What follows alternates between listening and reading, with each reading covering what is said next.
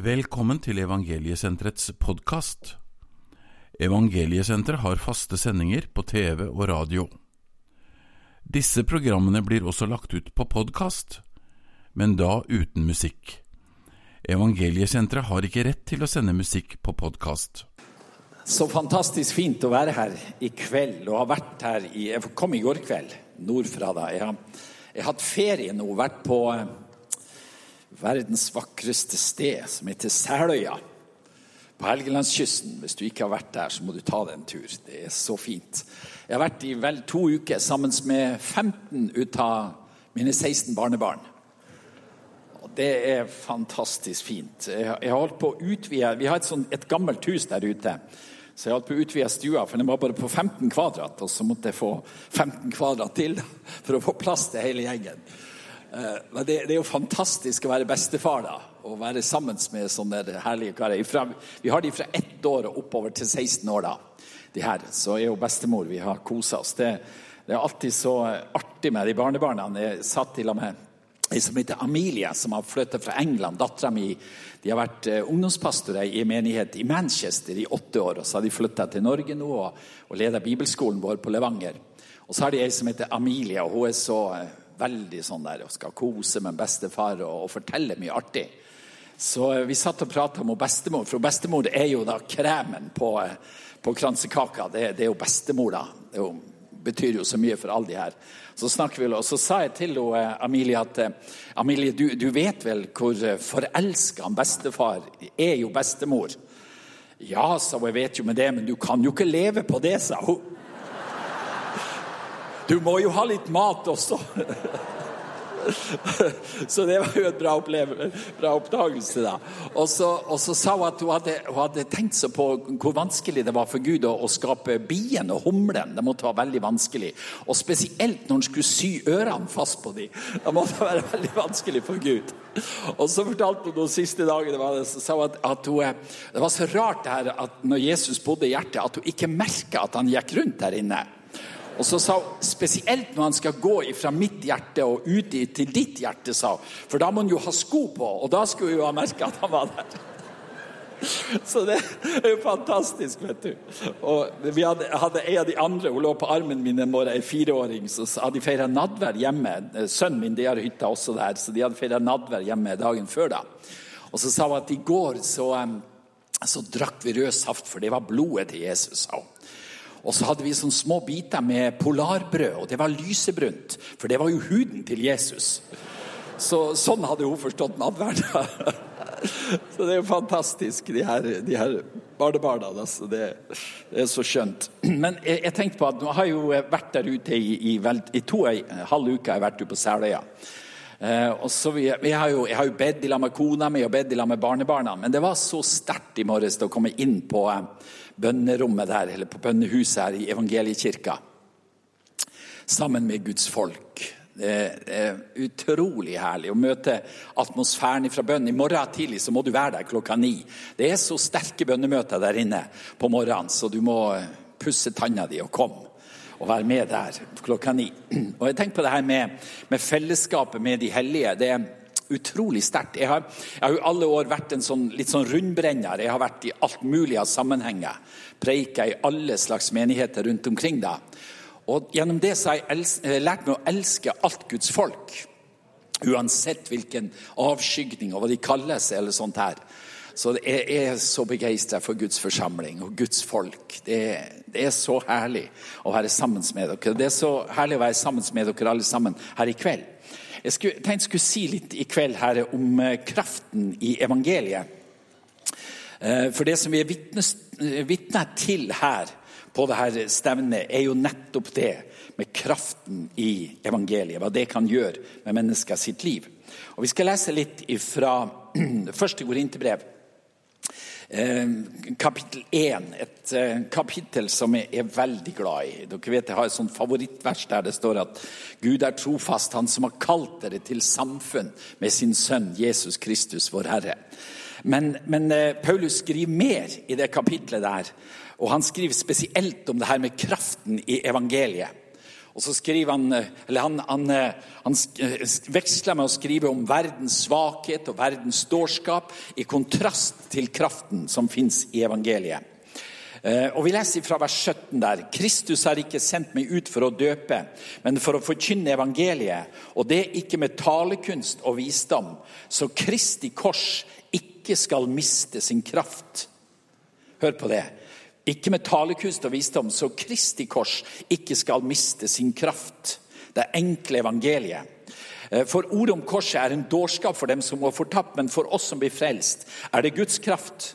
Det står jo skrevet 'Jeg vil ødelegge de vises visdom, og de klokes klokskap vil jeg gjøre til intet'. Hvor er da de vise? Hvor er de skriftlærde? Hvor er denne verdens uh, kloke hoder? Har ikke Gud vist at verdens visdom er dårskap? For da verden ikke brukte visdommen til å kjenne Gud i hans visdom, bestemte Gud seg for å frelse dem som tror. Altså Gud tok en bestemmelse. Han besluttet å frelse dem som tror, ved den dårskapen som vi forkynner. For jøder spør etter tegn, og grekere søker visdom. Men vi forkynner en korsfestet Kristus. Han er en snublestein for jøder og en dårskap for hedninger. Men for dem som har blitt kalt både jøder og grekere, er Kristus Guds kraft og Guds visdom. For Guds dårskap er visere enn menneskene, og Guds svakhet er sterkere enn menneskene. Se på dere selv, søsken, dere som ble kalt. Ikke mange vise etter menneskelig mål, ikke mange med makt eller av fornem ett, men det som i verdens øyne var dårskap, det utvalgte Gud seg for å gjøre de vise til skamme. Og det som i verdens øyne var svakt, det utvalgte Gud seg for å gjøre de sterke til skamme. Ja, det som i verdens øyne står lavt, det som er foraktet, det som ikke er noe, det utvalgte Gud seg for å gjøre til intet det som er noe, for at ingen menneske skal ha noe å være stolt av overfor Gud. Jeg greier et fantastisk avsnitt. Oi, oi, oi. Kraften i evangeliet. Og jeg, jeg, jeg satt her i, i, formiddag og hørte på Hjalmar, og så hørte jeg de vitnesbyrdene som var her også da. Og så tenkte jeg at Evangeliesenteret er egentlig et sånn testlaboratorium for Guds kraft der vi tester ut sannheten i det som Paulus skriver her. For her møter vi mennesker vi har hørt det mange vitnesbyrdene, mennesker som har prøvd alt. Som har vært innom det senteret og det senteret og prøvd det rehabiliteringsprogrammet. Og så plutselig kommer de inn i evangeliesenteret her på Østerbo eller på, på Varne eller andre plasser. Og så kommer det et nytt element inn som kan sette mennesker fri fra det som de sliter med, nemlig elementet Guds kraft. Jesus kommer inn i bildet. Og så er det det som løser mennesker og setter dem i frihet. Og Sånn kan vi teste ut sannheten i det som Paulus snakker om. At det fins en kraft som løser mennesker, en kraft som setter oss i frihet, og som gjør oss til nye skapninger i Kristus Jesus. Og Det er det fantastiske med evangeliet. Du vet at Jesus sitt program, Å komme inn under Jesus sitt program og behandles av Jesus sitt program, det er noe helt fantastisk. I Lukas 4, eh, 18 så kjenner du til det kjente avsnittet når Jesus kommer inn i, i synagogen i Nasaret. De kaller det jo her for Jesus sin programtale, altså programmet til Jesus. Og så står det sånn Herrens ånd er over meg, for han har salvet meg for å forkynne et godt budskap for de fattige. Ser du hvilket håp som ligger i det som Jesus kommer med? Han har kjent meg for å rope ut fanger, at de skal få frihet. At blinde skal få syn igjen, for å sette de undertrykte fri og for å rope ut et nådens år ifra Herren. Her ser du Jesus sitt program når han får tak i et menneske og begynner å behandle det med sitt program, med sin løsning på problemet, så er alt forandra. Vi går inn i en tid nå med, med sikkert mye valgflesk, der eh, partiprogrammer skal legges fram. Og hvis du, hvis du, ser på en del av partiprogrammene i politikken, så kan de ikke være så veldig konkret. De kan ikke være for spesifikke, så de ikke har litt slingningsmått når de kommer til makta. Sånn er det jo ofte. Og Derfor kaller vi det for valgflesk, mange ting, ting som blir lagt fram nå framover. Mens du ser på Jesus her, så er han utrolig konkret i sitt program. Han sier et godt budskap for de fattige. Det betyr at fattige skal få håp når de møter evangeliet. Vi har et ganske stort arbeid i Ukraina. Og vi, kjører stadig hjelpesending inn. Vi har ca. 15 trailere vi har kjørt i løpet av året inn til, til Ukraina med hjelp, mat og og klær. Og ofte det første som de her fattige i landsbyene rundt Smerinka, der vi jobber spesielt da, møter, det er en barmhjertighetsgjerning, en handling fra noen som elsker Jesus, som kommer og gir dem noe godt. Og Det skaper håp i deres liv og fører veldig ofte til at de blir frelst og tar imot Jesus. Og Så sier Jesus han har sendt meg for å rope at fanger skal få frihet. Vi hørte Lasse her. Det er frihet ifra det som synden har ført deg inn i. Fangenskapet blir du satt fri fra. Blinde skal få syn igjen. Jeg tror Jesus mente konkret, fysisk blinde mennesker som skulle finne håp i å møte evangeliet hans. Og sette de undertrykte fri, og for å, rope ut et nådens år ifra Herren. Jeg tenker på når eh, det, det Jesus gjør med sin kraft Eh, i det som skjer i evangeliesenteret. Det er guttene og jentene som står fram her. Og Jeg må si at jeg elsker de vitnesbyrdene. Det er det flotteste jeg hører på når jeg er på evangeliesentermøter. Det er de her som har fått livene sine forvandla ved kraften som fins i evangeliet. Det testes ut. Det vises at, at, Guds kraft slår inn i et menneske sitt liv. Og så tenk deg på når, når, den verdien som et menneske får gjennom å møte Jesus Kristus. Veldig mange av de som vi har hørt vitne her i, i løpet av stevnene, er mennesker som har mista sin verdi. De har ikke noe å leve for lenger. Livet er en ruin. De har ofte spolert mesteparten av sitt liv. Og så kommer de og møter Jesus. Og så reises verdien av de som mennesker opp. Og så øyner de håp. Det fins en mulighet for mitt liv. Det fins en framtid, det fins et håp for meg. Bare jeg får lov å møte Jesus. Og så reiser menneskets verdi ved at de møter denne personen, Jesus Kristus, og hans seier på Golgata kors. Eh, jeg har vært en god del inn på Kolahalvøya. I begynnelsen av 1990-tallet så var jeg veldig mye inne på Kola. Vi var med og starta mange menigheter inne på Kola i Russland og så utrolige ting som skjedde. Og så er det så sterkt det som skjer på Kolahalvøya akkurat nå. Jeg var der inne for en tid tilbake, og der finnes det et rehabiliteringssenter som er helt fantastisk. Eh, helt innerst på Kolahalvøya ved Kvitesjøen så finnes det et russisk rehabiliteringssenter som drives helt eh, av russere. De, de, har ikke noe support fra Vesten eller fra andre land, men de har forskjellig business på senteret. De er 40 stykker som eh, er på det senteret der.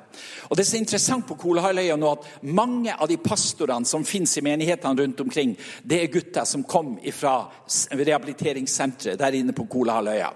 Og Jeg har en veldig god venn oppe i Nord-Norge som heter Leif Bråten, som er leder i Ungdom i oppdrag der oppe. Jeg var sammen med han der inne, og så forteller han en utrolig sterk historie. Eh, ei jente som har vært prostituert i mange år i Murmansk. Så blir denne jenta gravid eh, under prostitusjon, og så eh, vil sosialmyndigheten at eh, hun skal abortere og ta, ta bort barnet. Men så er det liksom noe inni oss som sier at hvis du får det barnet der, så kan det berge det ut, ut av prostitusjon og ut av rusen din. Og hun ser liksom et håp i å få det barnet der. Og så hadde hun hørt om ei jente som hadde vært på rehabiliteringssenteret, og som har blitt fri. Og så tenker hun bare jeg kan komme inn der. Jeg har ikke lyst til å ta abort, jeg har ikke lyst til at det barnet skal aborteres, men jeg vil komme med på senteret. Og så får hun gjennom forskjellige kanaler så kommer hun på, på rehabiliteringssenteret, der hun føder en liten gutt etter noen måneder senere. da. Og Så kommer Leif inn og skal preike der en dag på rehabiliteringssenteret. Og så vil hun gjerne at han skal velsigne denne lille gutten. Og denne lille gutten på noen måneder han har blitt som en sånn eh, maskot på senteret. Alle er så glad i han, og de er så elsker å dulle med denne lille gutten. da. Og Så står Leif der og så tenker han han skal forkynne den kvelden der om verdien på et menneske. Og så sier han, Når han står med den lille gutten i armene sine, så sier han til de hardbarka narkomane og alkoholikerne som sitter foran ham, Hvor mye verdi er det i denne lille gutten? Hvor mange euro vil du gi for denne lille gutten her? Og så blir det stille i salen.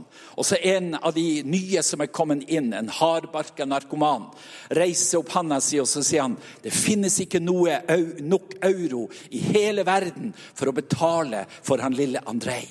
Det fins ikke nok euro i hele verden for å betale for lille Andrej. Og så kunne Leif preike om verdien av et menneske og et menneskeliv. Og vet du, det er sannheten om ditt liv. Kanskje er du her i kveld som har ført det verdiløs. Hva er verdien av mitt liv? Hvorfor leve? Hvorfor er jeg til? Hva er liksom hensikten med mitt liv? Du skal vite at i Jesus Kristus så får du oppvurdert din verdi så enormt ved å få lov å møte Han og få på plass frelse og nåde og frigjørelse i ditt liv. Du vet Det å få lov å møte Jesus er utrolig. Jeg fikk som ung gutt, 15 år gammel, få lov å møte Jesus på Frelsesarmeen i Kristiansand. En fantastisk opplevelse. Og min, min frelsesopplevelse det var egentlig en, en, stormende forelskelse i Jesus. Jeg ble så glad i Jesus. For jeg hadde strevd sånn og skulle frelse meg sjøl. Jeg hadde jobba og skulle få det til å bli en kristen. Jeg hadde slutta med mange ting. Jeg prøvde å overholde ting. og Jeg var begynt å lese Fader vår på kveldene, jeg var begynt å lese Guds ord. Men ingenting fungerte her ikke inne. Og så i løpet av noen minutter så var livet mitt forvandla ved botsbenken på Frelsesarmeen. Jeg var frelst. Verdien min, var, var oppjustert. Jeg var blitt en ny skapning i Kristus. Og Siden den dagen så kan jeg si at jeg har vært så utrolig glad i Jesus. Jeg har vært så forelska i Jesus hele mitt liv. Jeg er 68 år gammel nå, men det vil ikke avta. Jesus er fantastisk å få lov å leve sammen med. Og du vet, Det å få lov å tilhøre han og leve sammen og være brud av, av brudgomkongen Jesus, det er noe fantastisk. Å få lov å ha fellesskap i hverdagen sammen med han. Og du vet at Det å få lov å møte Jesus, det, det gir det en verdi som er helt unik. Du blir, du blir barn av din far i himmelen. Bare tenk på det. Å få være barn av den høyeste Gud. Du vet når Jesus sto der etter at han var blitt døpt, så står det at det kom en due over ham. Og en stemme som lød, 'Dette er min sønn, den elskede, som jeg har min glede i'. Og Det levde Jesus på, det gikk han på. Når de spurte ham hvor, hvordan skjer alle disse gjerningene, så sa han det er Faderen som gjør sin gjerning gjennom meg. Det er Faderen som taler inn i mitt liv. Det er Far som, som handler gjennom meg. Og Jesus hadde jo ingen bibelskole. Han hadde ikke sittet ved Gamalies føtter. Men han levde på noe som ble sagt over han ved dåpen, og som han bar dypt i sitt hjerte, er hans elskede sønn som han har sin glede i. Og jeg tenkte på når Lasse sto her og, og vitna om dåpen i Ransfjorden. Jeg tror når Lasse steg opp av vannet, så hørtes det samme i himmelen. Kanskje far sa til sin sønn, 'Der har du en. Han er min sønn, den elskede, som jeg har min glede i.' Og så minner kanskje Jesus Faderen på hvorfor det var sånn. Det var jo pga. mitt verk på Golgata. Det er jo pga. mitt blod at lasset forvandla. Og så var det denne kommunikasjonen i himmelen som stadfester den verdien som lå over Lasse sitt liv ved at han var blitt et barn av Gud, av sin himmelske pappa. Og det kan vi få lov å leve på. Jeg tror at Jesus sier, eller Faderen sier over ditt liv du er hans sønn, den elskede, som han har sin glede i. Du er hans datter, den elskede, som han har sin glede i. Og lever du på det, så lever du på en helt annerledes måte. Du vet du er elska av Gud. Du vet du er elska av din himmelske far. Og du lever på en ny måte i kjærlighetsrelasjon og fellesskapet sammen med han. Kraften i evangeliet er helt fantastisk for å få lov å forvandle et menneskes liv. En menighet som vi har i Ukraina, som vi har som hovedsamarbeidsmenighet der, Ei sånn menighet som består av veldig mye utslåtte mennesker. Han, eh, pastoren gjorde, han, eh, han sa han hadde vært på en pastorkonferanse. og så eh, kom jo de andre pastorene og skrøt av alle rikfolket de hadde i menigheten. De hadde den oligarken, og de hadde den politikeren, og den har så mange millioner, og han er i min menighet. Og, og så sto jeg der, sa, sa Jorda, og så tenkte jeg i min menighet så er det jo bare alkoholikere og prostituerte og narkomane og alt det der der. Og så var jeg der borte for en stund siden nå, så satt jeg på første benk når de strømmer inn de her. Menigheten heter Håpets kilde. Er ikke det et fint navn? The, the Spring of Hope heter det på engelsk. Altså Noe som skaper håp i mennesket sitt liv. Og Så satt jeg på første benk, jeg skulle preike der senere i møtet. Og så kommer det inn. Da kommer hun Olga, en tidligere prostituert. Så kommer han Igor, en tidligere narkoman. Så kommer han Andrej, en tidligere alkoholiker. Og så fylles lokalet av de her menneskene som bærer på så sterke vitnesbyrd om et møte med Jesus som har forvandlet deres liv. Og da tenker jeg, Der har du det igjen. Kraften til å sette mennesker i frihet. Kraften til å forvandle et menneskes liv. Og denne kraften her i kveld, gjennom at du kan møte Jesus og få ditt liv forvandla hvis du er her som ikke er en kristen. En annen ting som Bibelen snakker om mye, er kraften i Den hellige ånd. Jeg ble født på ny ved botsbenken på Frelsesarmeen. Hadde en veldig sterk eh, frelsesopplevelse. Men så etter det Jeg var fortsatt om bord på båten. Det var, det var, et tøft miljø. Mye, mye drikking og festing om bord. Og et, et hardt mannfolkmiljø med 25 mann som var på den fiskebåten som jeg var på. Og så bare på en sånn lengsel. Det må finnes mer. Jeg må ha mer av Jesus.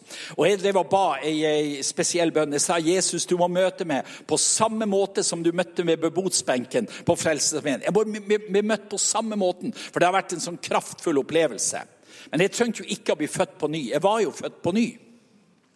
Og Så reiste jeg på en leir i Trondheim, på KFUM, KFUK. De hadde en sånn, en så stor leir der som jeg var med på sommeren. Og Der i Trondheim hadde jeg ei tante som var en sånn helt eh, vill Maranata-medlem. Hun var med i menighet i, i Trondheim, og hun eh, talte i tunga og jodla og prisa i ett kjør. hun der, der. Og jeg hadde ikke vært borti noe sånt i det hele tatt før. Og Så ble jeg med henne på Maranata-møtet, da hun, hun, tante Oline. Og Så kom det en kar og spurte meg er du døpt i Den hellige ånd. Jeg satt i, i benkerad der. Og jeg hadde aldri hørt uttrykket før. Jeg tror ikke det. For jeg, jeg trodde det var samme som å være barnedøpt. Så jeg sa ja, jeg er døpt, sa jeg. Og så gikk han bare videre, han der karen da. Men mens jeg satt der, så begynte jeg plutselig å skjelve og sitre i hele kroppen sånn her. Og så Neste kveld så var jeg på Betel i Trondheim, pinsemenigheten. Så ble jeg invitert fram til forbønn. Det var en svensk predikant husker jeg, som var der. Og Jeg var så tørst, jeg var så lengtende. Gud, du må gi meg mer. Jeg hadde ligget på en sånn uh, uh, fòrmelsekk i fjøsgangen hjemme. Jeg har vært hjemme og gjort slåtta til mamma. Og så, uh, så, lå jeg der og jeg gråt og ba Gud, du må møte meg på nytt. Du må komme med din kraft over mitt liv. Og Så gikk jeg fram i det møtet der, og så kommer Guds kraft over meg, som jeg aldri hadde opplevd før. Jeg rista, jeg skaka, jeg skalv. Jeg var, var helt sånn gjennomrysta av Den hellige ånds kraft. Og så husker jeg når jeg gikk hjem den kvelden der, så tenker jeg Håkon, der har du fått tak i det. Der har du berørt noe som du aldri har opplevd før. Og Så gikk det ca. et år. Jeg var på fiske med, med den båten og så kom jeg til, til Bodø. Jeg møtte de gamle bønnedamene som dere har hørt jeg snakke om, som, eh, som forvandla egentlig mitt liv ved å, ved å, vise meg den fascinerende bønneveien. Det gledesfylte bønnelivet. Og Så kom jeg til Bodø i pinsemenigheten der, og så spurte min, men, så sa jeg, jeg spurte er du døpt i Den hellige ånd. Og jeg trodde det var det. Ja, så sa, Men så sa de har du fått tungene som tegn. Og det hadde jo ikke jeg hørt før, at det var noe sånn, sånn tegn på de greiene der som jeg hadde opplevd. Så jeg, jeg, sa jeg vet ikke, jeg tar det ikke i tunge, sa jeg, så det, da har jeg sikkert ikke fått tungene som tegn. Ja, så sa men det må vi jo be om, at du får tungene som tegn. Og så la de hendene på meg, pastoren og den eldste brødet, og så brøt det ut i tungetale. Jeg vet ikke hvor lenge, men det bare spruta ut der jeg talte i tunge. Og så tenker jeg hvor viktig det har vært i mitt liv etterpå. Det er gjennombruddet i Den hellige ånd, å få erfare Guds kraft. Og i ett og et halvt år så rista jeg og skaka. Jeg kunne ikke be uten at det skalv og skaka og rista helt sånn her, hele kroppen. Og Jeg gikk til predikanter og spurte hva er det for noe det rista så. Og ingen kunne gi meg svar. Men jeg tror det var en sånn virkning av Den hellige ånd som var over mitt liv. Og så ser jeg i ettertid hvor utrolig viktig det er det her gjennombruddet av Den hellige ånds kraft i ditt og mitt liv. Kanskje du som er her i kveld, lengter går der og kjenner på den samme tørsten og lengselen som jeg hadde. Gud, du må møte meg på nytt. Du må komme med din Hellige Ånd over mitt liv. Da er stedet for det her i kveld at Gud han ønsker å døpe deg i sin Hellige Ånd. Han ønsker å fylle deg med sin Hellige Ånd. Han ønsker å gjøre noe nytt i ditt liv. At du går med ny kraft og styrke ut i hverdagslivet når du reiser fra stevnet her du vet, Det er fascinerende å lese i Apostelens gjerninger 1 og i Apostelens gjerninger 2. Du vet, I Apostelens gjerninger 1 så sier Jesus de absolutt siste ordene til disiplene sine før han blir tatt ifra dem. Eh, misjonsbefalingen som vi har i Matteus 28, er antagelig sagt en god stund før det. Men her er de absolutt siste ordene som, som Jesus sier. Og Vi leser der fra eh, kapittel 1 og fra vers 8. Men dere skal få kraft når Den hellige ånd kommer over dere, og dere skal være mine vitner i Jerusalem, i Judea og Samaria og like til jordens ender. Det var det siste Jesus sa til disiplene sine. Dere skal få kraft. Og jeg tror I dette øyeblikket her, så hadde de ingen anelse om hva det kommer til å innebære. Men de følte den ordren som Jesus hadde gitt. For det står i vers 4 at han påla dem at de skulle gå inn i Jerusalem og vente på det som Faderen hadde lovt. Og Så kommer vi til kapittel 2, til eh, eh, første vers der. Da pinsedagen kom, var alle samlet på ett sted. Plutselig løt det fra himmelen som når en kraftig vind blåser, og lyden fylte hele huset hvor de satt. Tunger av ild viste seg for dem, delte seg, satte seg på hver enkelt av dem. Og de ble alle fylt av Den hellige ånd, og de begynte å tale i andre språk ettersom ånden gav dem å forkynne. Og så kommer de ut i denne strømmen av vekkelse. Der Peter står fram, han som har svikta Jesus. Plutselig står han som frontfigur for den mektige vekkelsesbølga som slår inn over Jerusalem. Og Jeg tenker på Peter og Johannes her. På første pinsedagskveld, kanskje dag åtte, så hadde Johannes sagt til Peter det skjer jo ikke noe. Nå har vi bedt i åtte dager. Niende dag. Nå har vi bedt i ni dager. Hvorfor kommer det ikke? Hvorfor, hvor lenge skal vi vente på det som Faderen hadde lovt? Men så kvelden på pinsedag. Hva sier Peter til Johannes? Wow! Der har du det. Der har du svaret på alt det vi skal få lov å stå i. De hjelpeløse disiplene var plutselig blitt forvandla til åndsfylte mennesker som skulle bære evangeliet ut med kraft ut til, til, denne verden. Og så vet vi hva som skjer ut ifra det. Du vet, Den verste plassen i verden å begynne å evangelisere da, det var Jerusalem. Det fantes, fantes ikke noe mørkere sted. Bare dager i forveien så har byen vært på fote, og de har skreket 'Vi vil ikke ha Jesus'. Få ham på korset. Gi oss Barnebas fri. Det var utgangspunktet for å forkynne evangeliet. Og hvor tester Gud evangeliet Den hellige ånds kraft ut? Jo, på det verste sted. Der er det det bryter igjennom. Så om du sier at mitt sted er så mørkt og mitt sted er så vanskelig, så tenk på det som skjedde i Jerusalem. Det verste stedet å starte prosessen, det skjedde der, der det brøt igjennom. Fordi at kraften i Den hellige ånd var så sterk at ingen makt kunne stå seg imot dem. Og Så møter vi dette folket som roper Hva skal vi gjøre for å møte Jesus? Nå vil de plutselig ha Jesus. Og så sier Peter noe veldig fint her. Han sier at Omvend dere, sier han. Eh, skal vi se her Jeg må, ja, jeg må lese litt, før her. De hørte det, stakk det dem i hjertet, og de sa til Peter og de andre apostlene.: Hva skal vi gjøre, brødre? Peter svarte dem. Vend om og la dere døpe Jesu Kristi navn, så hver av dere skal få tilgivelse for syndene, og skal dere få Den hellige ånds gave. For løftet gjelder dere og barnet deres og alle som er langt borte, så mange som Herren vår Gud kaller på. Altså Han kaller de til omvendelse. Og Dette er en nøkkel i dette eh, forkynnelsen av evangeliet. Eh, mange er så redd for at evangeliet blir altfor blasert. At du liksom bare kan knytte det til det her med kristendommen, så skal det noe bra med deg. Bare du lever et bra liv. Men Bibelen er veldig klar på at det trengs en omvendelse. Vi trenger å snu oss rundt, vende ryggen til synda og komme til Jesus med hele vårt liv. Du vet, humanismen Islam, buddhismen, de har en fellesnevner. Og det er at hvis du gjør så godt som du kan, så går det nok bra til slutt. Evangeliet er det rakt motsatte. Du kan ikke gjøre så godt som du kan, og det vil ikke gå bra til slutt om du gjør alt det gode du kan. Vi trenger Jesus for å bli frelst, og vi trenger å omvende oss ifra vår synd, ifra det som ligger bak, og vi trenger å søke Han av hele vårt hjerte. Så hvis du har en nabo som sier at ja, men jeg har gjort så godt, jeg har gjort rett og skjell for meg, så kan du godt spørre han, er du muslim egentlig, ettersom du eh, tenker sånn der. For de tenker sånn at ved å gjøre gode ting så skal de nå fram til himmelen. Men vi tror ikke på det. Vi tror et radikalt møte med Jesus Kristus gjennom en omvendelse der vi vender ryggen til synden, og der vi søker Han, skaper frelse og forvandling i et menneskes liv. Og så ser vi her ut, Jeg, jeg elsker apostlenes gjerninger. Det, det, det, jeg tror noe med Når man leser Bibelen, så har jo mange favorittbøker. ikke sant? Men en av de er apostelens gjerninger. Så fantastisk når Guds rike går fram i apostelens gjerninger. Og Det vi ser da, det er at det her knyttes hele veien opp imot mennesker som ber til Gud, som søker Gud. De får en arbeidstegning her i kapittel 1, der Jesus sier at de skal gå inn, de skal vente på det som Faderen har lovt. De skal lage det her bønnemøtet, for det var det de gjorde. Og så ut ifra det så skal det lages en landingsplass der Den hellige ånd kommer til, der Guds kraft slår ned, og der Guds rike bryter igjennom. Og Hvis du leser apostelens gjerninger, så er det sånn det skjer utover. De ba, det brøt igjennom. De ba, og det brøt igjennom. De søkte Gud, og det brøt igjennom. Og Jeg er så lykkelig i denne tida her for bønnevekkelsen som er i Norge. Det skjer så mye på bønnens område i dette landet nå. Bønnehus vokser opp, bønnebevegelse er på gang. Jeg, jeg kunne vært bortlovt resten av mitt liv hvis jeg skulle svart ja på alle spørsmålene om å komme og lede bønnedager og bønneuker og bønneinitiativ rundt omkring. Det skjer noe i landet vårt. Og, og Edvin Orr, en, en baptistpastor som har forska mye på vekkelse, han sier at historien er taus om vekkelser som ikke har starta med bønn. Historien er taus om vekkelser som ikke har starta med bønn. Og Derfor skjer det noe i landet vårt nå som jeg tror skal forløses i vekkelse og liv over Norge. Guds folk begynner å be til Gud.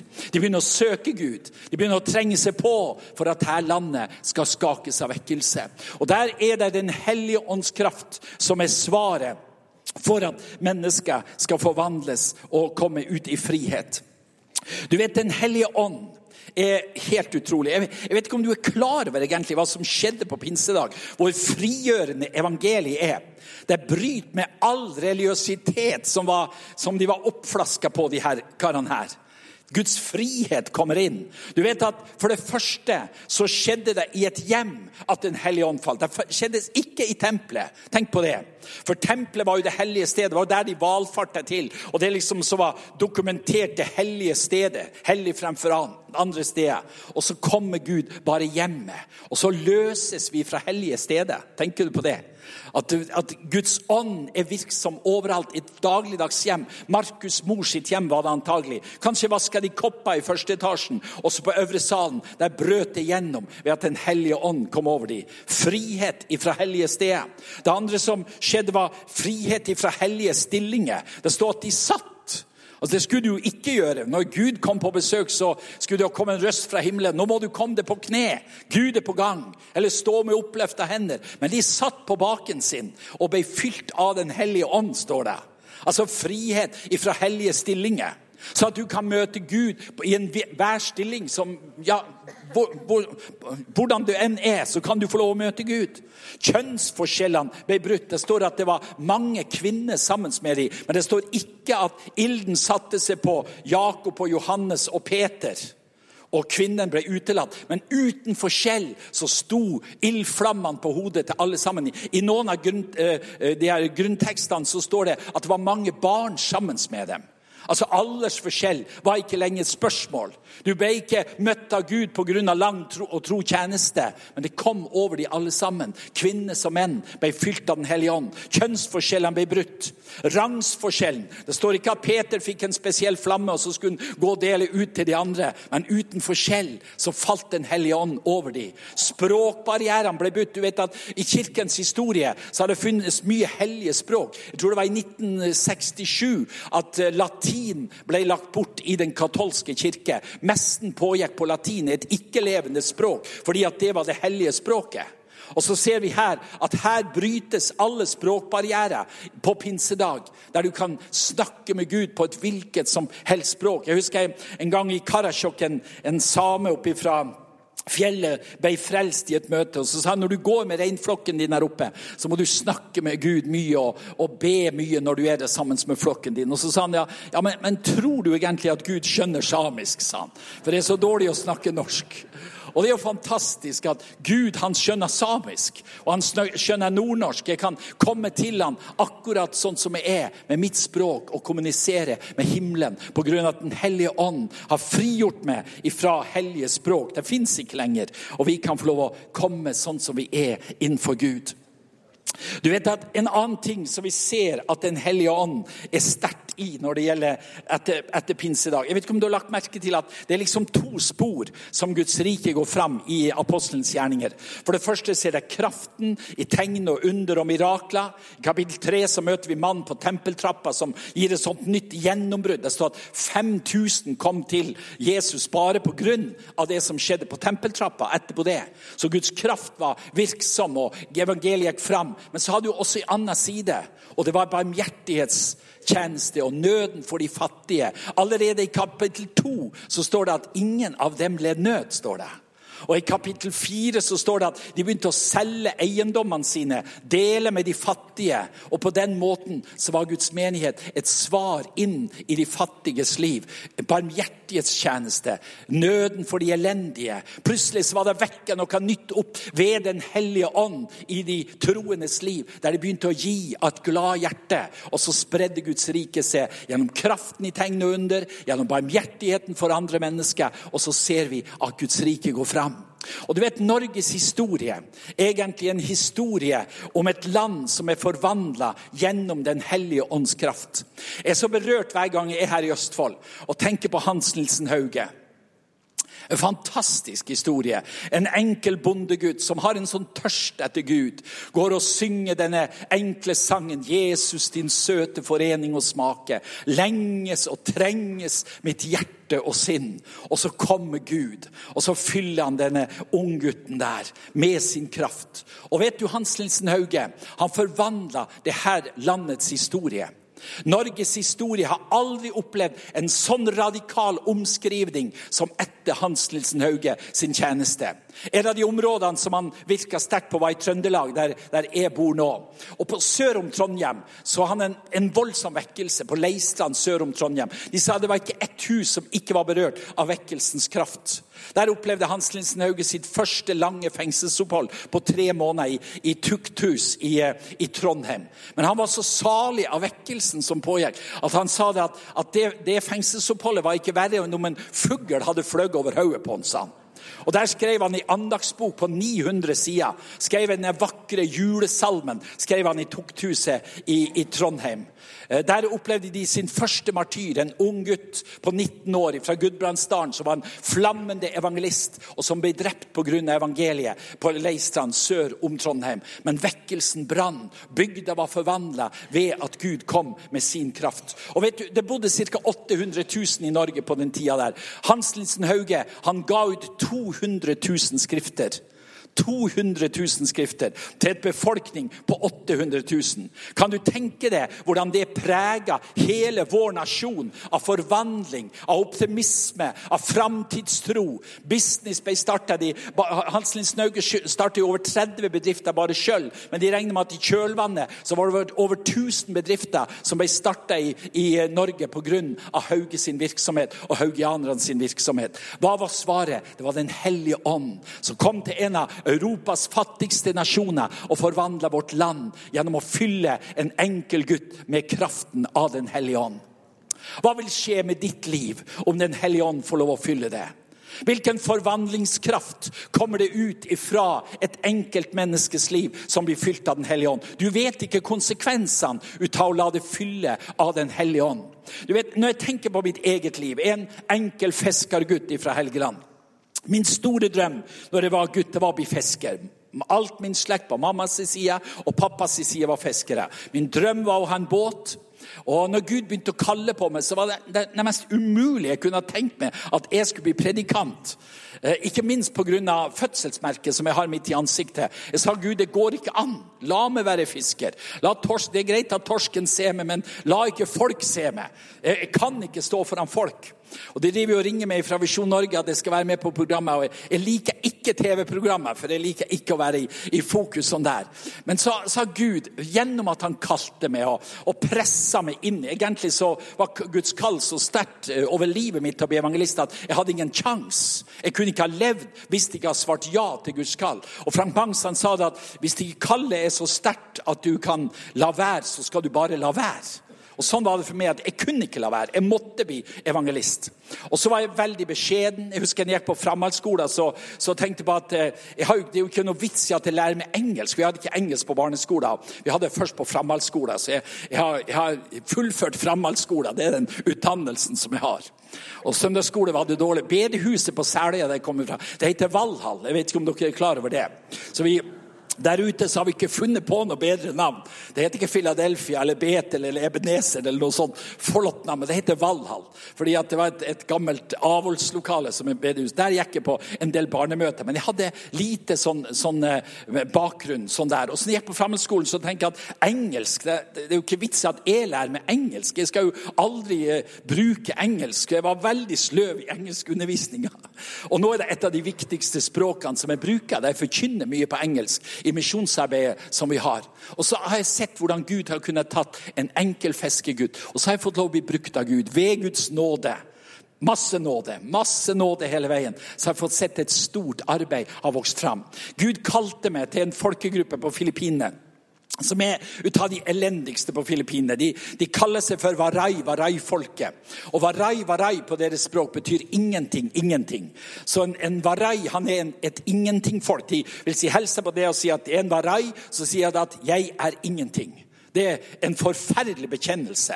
Og et folk som har lidd så under frykten for de onde ånder og, og ja, aktiviteten av de onde. I området på Samar, der de, der de, holder til, det er fire millioner mennesker av Arai-folket, så kommer det ca. 30 sånne stormer og sykloner inn hvert år som ødelegger mye ut av alvinga. Fattigdom og nød.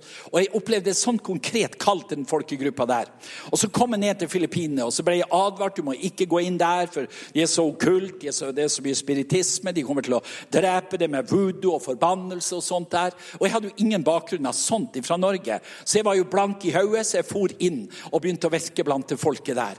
Og så tenker jeg, Hvordan skal vi få et gjennombrudd iblant Warai-folket? Og så Et av de første møtene vi hadde på en sånn basketballplass i en, en by som heter MacArthur, så, så bærer de inn en mann i en hvit plaststol og setter ham foran plattforma. Jeg står og forkynner der, og han sitter der.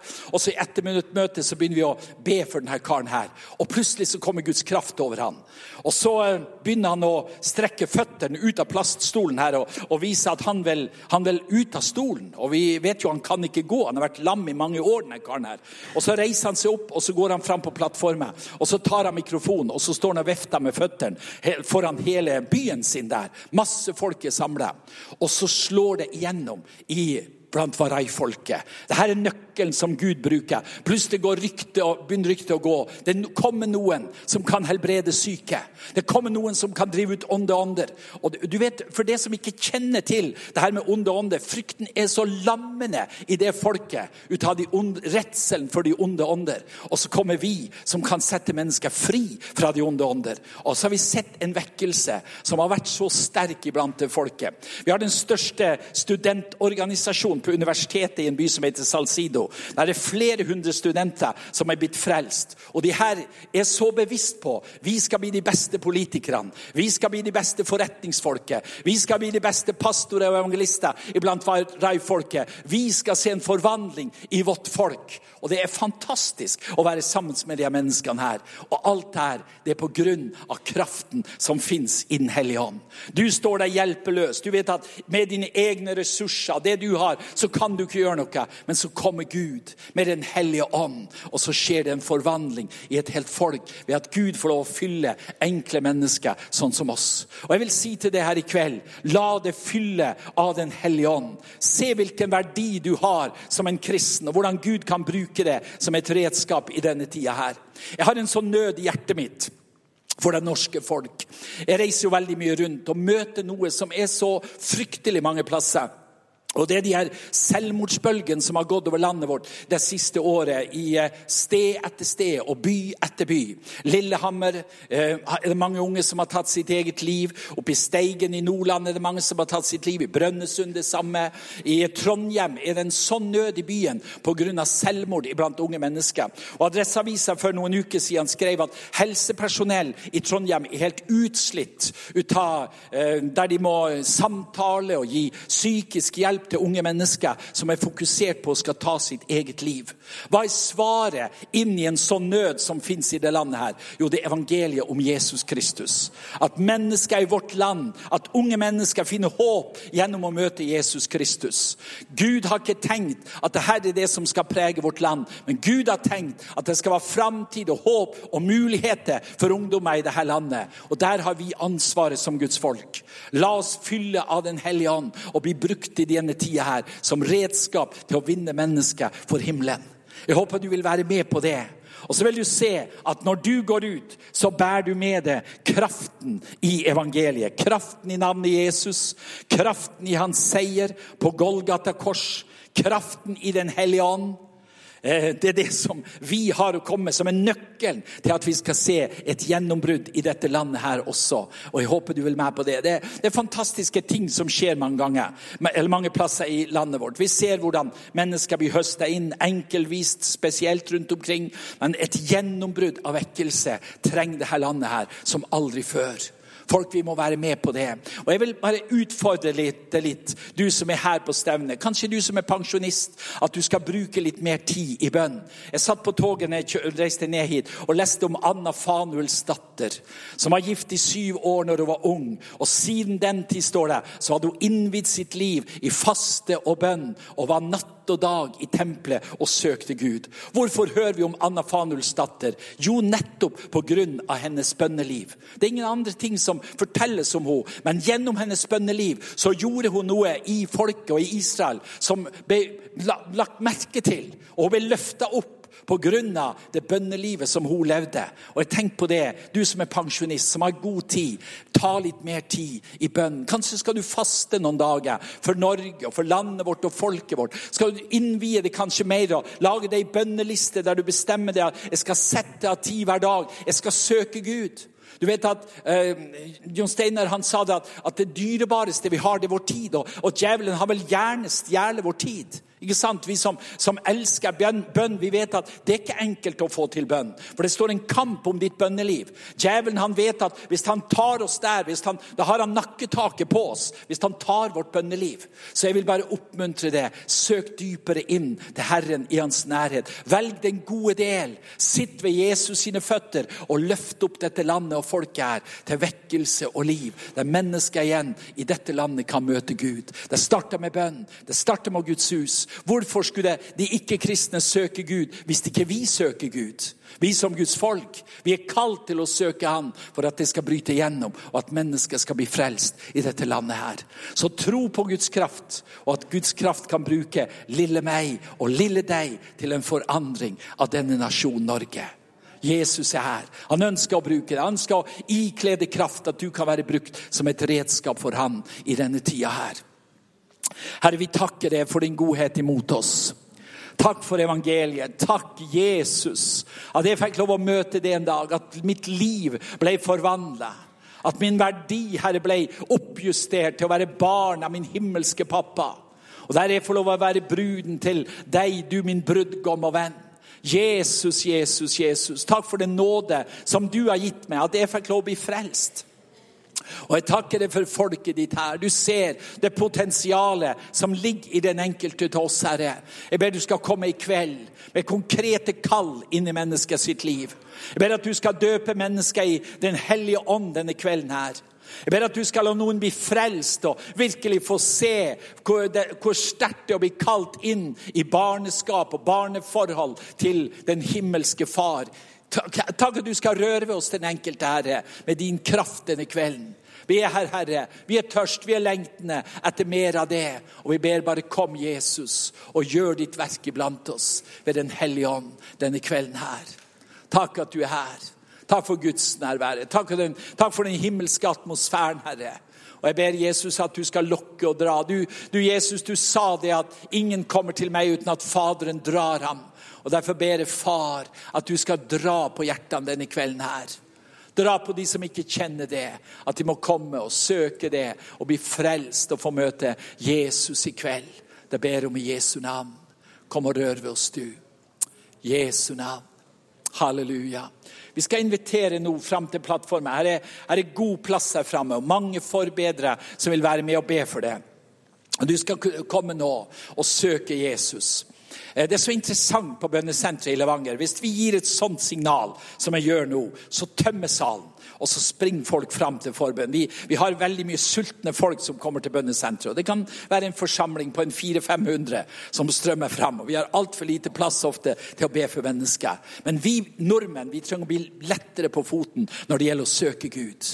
Vi trenger å bli mer på hugget når det gjelder å trenge oss på og få tak i mer ut av Han. Og han er her for din del i kveld. Kanskje kom du til dette møtet med en lengsel Gud du må møte med. Det er denne kvelden for deg. Jesus er her. Han ønsker å møte det. Jeg satt her nede så ble jeg så minnet om at jeg tror noen som har slitt med mye migrene og mye smerter, spesielt på denne sida av hodet ditt, så har du hatt mye hodesmerter og problemer med det. Og jeg tror Gud ønsker å helbrede det i kveld og gjøre noe nytt i ditt liv på det området. Skal vi reise oss opp, så er vi med lovsangerne her. Og så søker vi Jesus denne kvelden her. Du som ikke er frelst. Det er en fantastisk kveld å få lov å møte Jesus bli frelst og bli satt i frihet. Kom i Jesu navn og søk ham. Programmet du hørte har tidligere blitt publisert på radio og TV. Mer informasjon om våre sendinger får du på vår hjemmeside evangeliesenteret.no.